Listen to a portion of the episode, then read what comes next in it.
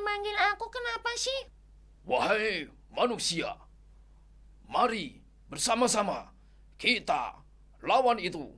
Siapa itu? Muhammad. Ayo kita kejar, hancurkan Muhammad. Hiya, hiya.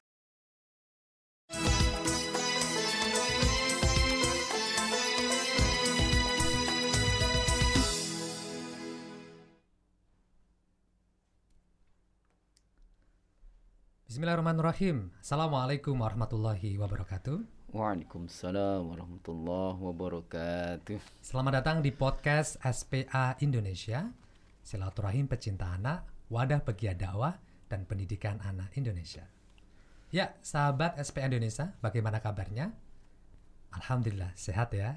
Masih bertemu lagi bersama saya Kak Haji Syafa, yang pada kesempatan podcast kita kali ini, kita akan banyak membahas tentang bercerita itu mudah. Dan Alhamdulillah, sudah hadir di hadapan saya seseorang yang sangat luar biasa, istimewa, ketua di mana-mana, pendongeng internasional, dan yang pasti beliau adalah salah satu orang yang sangat berpengaruh dalam kehidupan karir saya. Seperti apa keceriaan dan menariknya podcast kita kali ini? Langsung aja yuk kita sambut bintang tamu kita. Assalamualaikum warahmatullahi wabarakatuh. Waalaikumsalam warahmatullahi wabarakatuh. Ustadz Insya Allah. Uncat Wawan Sembodo. Alhamdulillah. Bagaimana kabarnya? Selalu ceria dan selalu semangat. Luar biasa ya. oh, Bismillah. Tambah muda terus ini ya. kayaknya. Wah, bahaya kalau tambah muda terus. Lah, gimana? Ya, nanti terus jadi lupa tua. gitu ya. Dari dulu sejak satu dekade yang lalu ya, satu ta- 10 tahun yang lalu sampai Hmm. Iya. sekarang ini nggak berubah loh Kak Untat oh gitu. loh Padahal jenggotnya aja udah mulai. Udah mulai menua dan mulai uh, memutih gitu lah ya.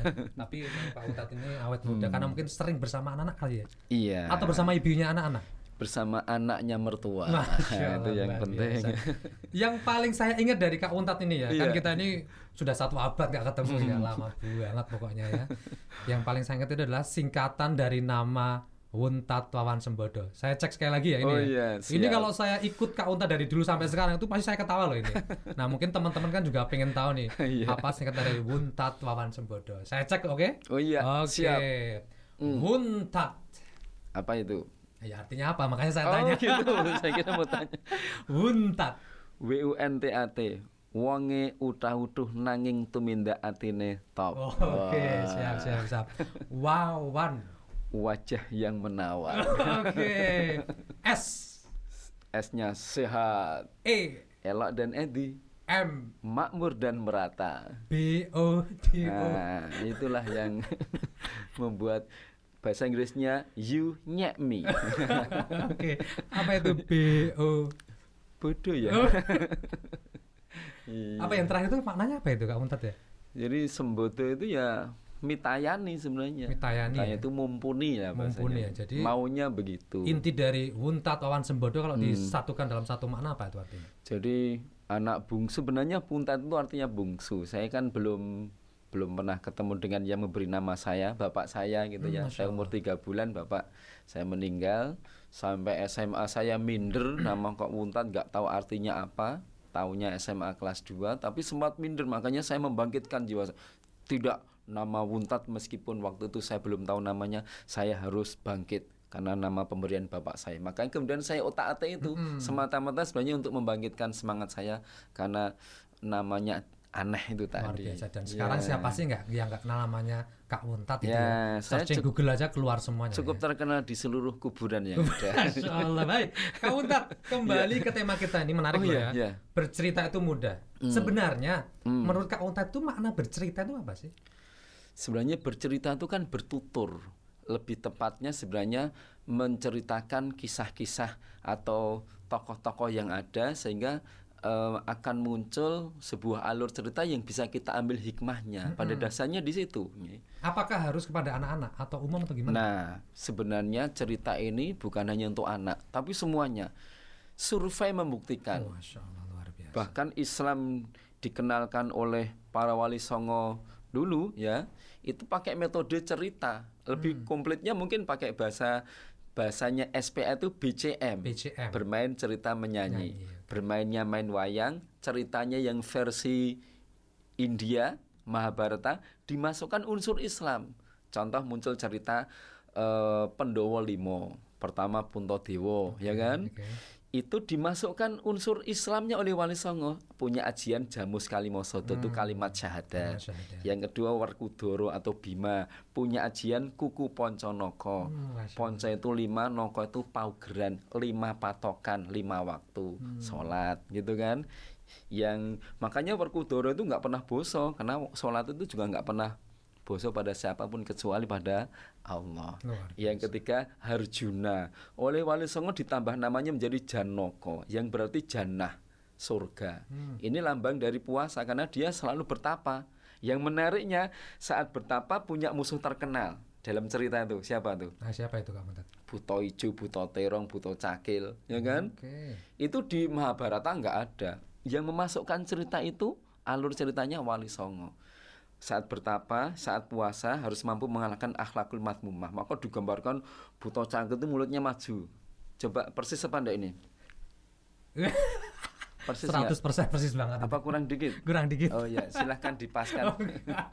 Oh, iya. Berarti cerita ini efek-efeknya gede banget luar ya, biasa besar banget ya. gambarnya ini tadi buta cakil ininya matanya jelalatan mulutnya maju itu akhlak mazmumah Hmm. akhlak tercela yang digambarkan akhirnya dikalahkan Janoko nah puasa itu sebenarnya ingin apa namanya harus mengalahkan akhlakul ka- eh, mazmumah menjadi akhlakul karimah. Cuman Wali Songo mengemasnya dengan cerita. Hmm, hmm, hmm. Nangkulo Sadiwo dua anak kembar. Sama kembarnya itu sama-sama mengeluarkan uang untuk haji untuk untuk zakat. Jadi pandai-pandainya Wali Songo dalam hal bercerita. Jadi cerita itu sesungguhnya bukan hanya untuk anak.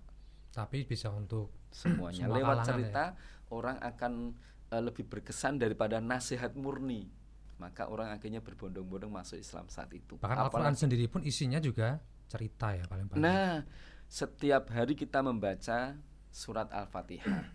Siratal ladzina an'amta alaihim, yaitu orang-orang yang diberi nikmat. Siapa orang yang diberi nikmat? Kan cerita namanya. Hmm.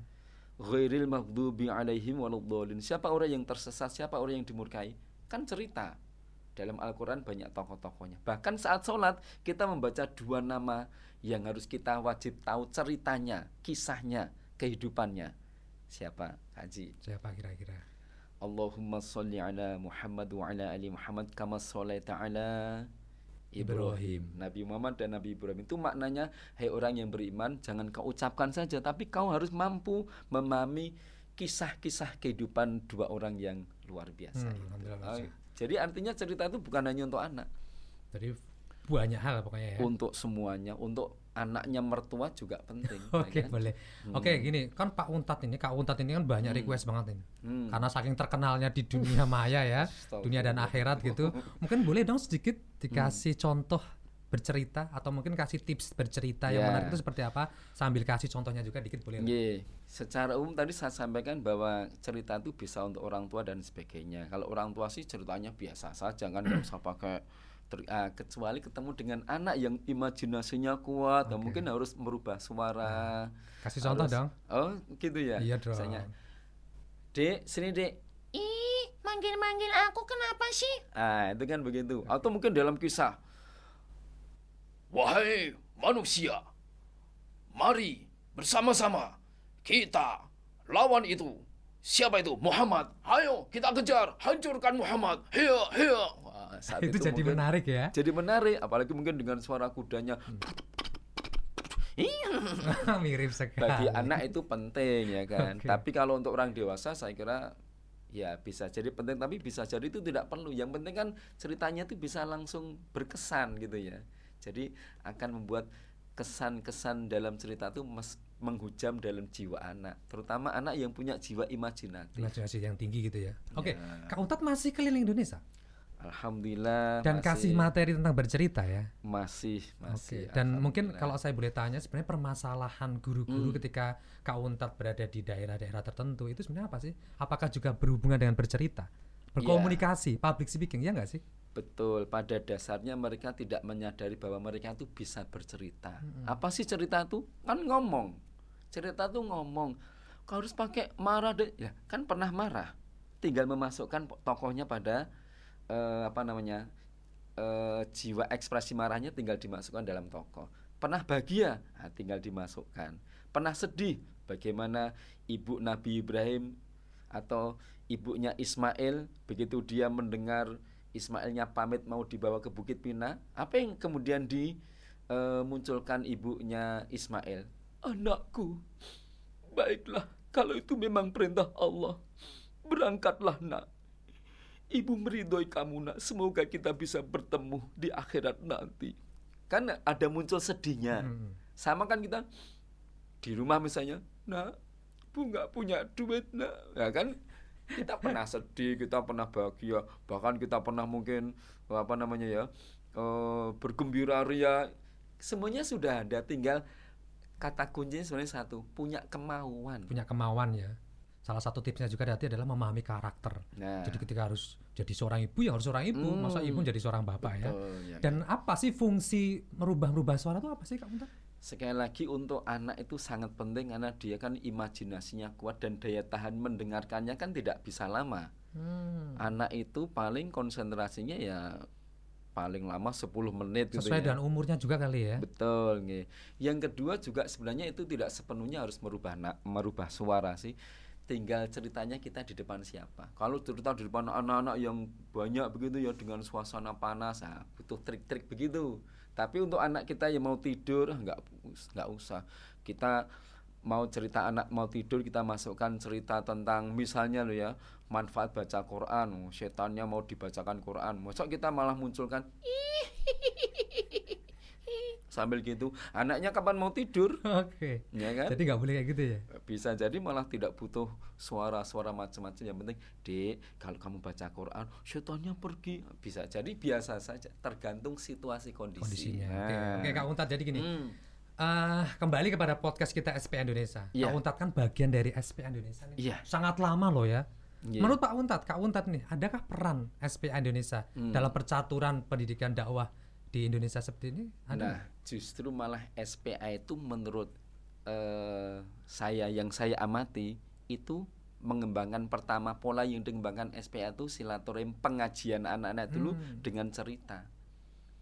Sebelum punya lembaga-lembaga dakwah atau lembaga pendidikan di mana-mana, awalnya dari cerita. Kita kan dulu punya namanya Ardika, sampai sekarang masih. Ardika artinya Armada dai khusus kalangan anak-anak Hmm. lewat metode cerita dan sekarang mulai dikembangkan terus oleh teman-teman eh, dari para kader-kader SPA kemudian membuka atau membuat eh, merintis namanya PPMI, PPMI. Persaudaraan Pencerita Muslim Indonesia. Hmm. Ini juga berawal dari eh, SPA yang alhamdulillah sudah mulai menasional dan sebagainya. Jadi Seper- peran peran SPA dalam hal ini dulu justru awalnya dari cerita itu sendiri Mm, mm, mm, mm. Bisa semakin berkembang berkembang silaturahim pengajian anak-anak menjadi silaturahim Pecinta pecinta anak anak. Yayasan Pusat Dakwah dan Pendidikan Silaturahim Pecinta Anak Yogyakarta lingkupnya Yogyakarta sekarang alhamdulillah sudah mulai berkembang lingkup nasional dengan Yayasan SPA Indonesia. luar biasa. Terakhir nih Kak Untat nih, Hmm, hmm. berhubungan berbicara tentang masa depan nih. Ya, Kira-kira ada hal yang bisa dikembangkan lagi nggak nih dari cerita itu? Ya, yang jelas kita ingin bahwa cerita ini bagian dari Allah mendidik manusia lewat cerita. Tadi saya sampaikan ya bahwa eh, kenapa kok misalnya Nabi Adam dimasuk mau ditempatkan di dunia kemudian malah masuk di surga dulu baru kemudian ditempatkan di dunia? Itu sebenarnya apa yang dialami oleh Nabi Adam itu akan dialami oleh manusia. Artinya Allah itu mendidik manusia dengan cerita Bahkan Allah sendiri kemudian memproklamirkan, menyatakan, Nahnu nakussu alaika ahsanal qasasi bima auhayna ilaika hadal Qur'an. Artinya, Artinya, kami mewahyukan kepadamu, wahai Muhammad, ahsanal qasasi, sebaik-baik cerita yang aku wahyukan kepadamu, auhayna ilaika hadal Qur'an. Artinya Al-Quran itu berisi tentang sebaik-baik cerita. masya Allah. Kalau biasa. sudah begitu berarti Al-Quran kan bukan hanya untuk hari ini, bukan hanya untuk kemarin, tapi untuk sampai pada hari Masa- kiamat. masa depan nanti. Maknanya berarti kita eh, teruslah bercerita supaya eh, mengamalkan apa yang diperintah oleh Allah. Masya Allah luar biasa Nah. Ini kalau dilanjutkan ini panjang banget loh. Subhanallah. Nah karena juga momennya juga terbatas juga. Hmm. Mungkin terakhir kasih Iya, kesimpulan dong. Iya. Eh, buat teman-teman semuanya Baik, sahabat podcast SPA Indonesia lah ya. sahabat podcast Indonesia eh, SPA Indonesia, subhanallah, sedikit kita membahas tentang cerita satu kata dari Allah, bukan dari saya. Faqsusil qasoso la'allahum yatafakkarun. Berkisahlah, berceritalah, ceritakan kisah-kisah agar mereka berpikir. Itu maknanya cerita itu perintah Allah. Bukan siapa yang punya bakat siapa yang nggak punya bakat tetapi siapa yang menjalankan perintah Allah. Maka pesan saya sejelek apa pun berceritalah. Sambil terus menuntut ilmu bagaimana trik-trik cerita itu bisa dikembangkan. Insya Allah kita akan menjadi bagian dari bahwa kita ini adalah pendakwah dan pendidik untuk anak lewat metode yang diga- eh, diperintahkan oleh Allah dengan cerita insya Allah Oh, Alhamdulillah. Ah, terima kasih Kak Untat, makasih Iya, ya sudah hadir di podcast luar biasa ini.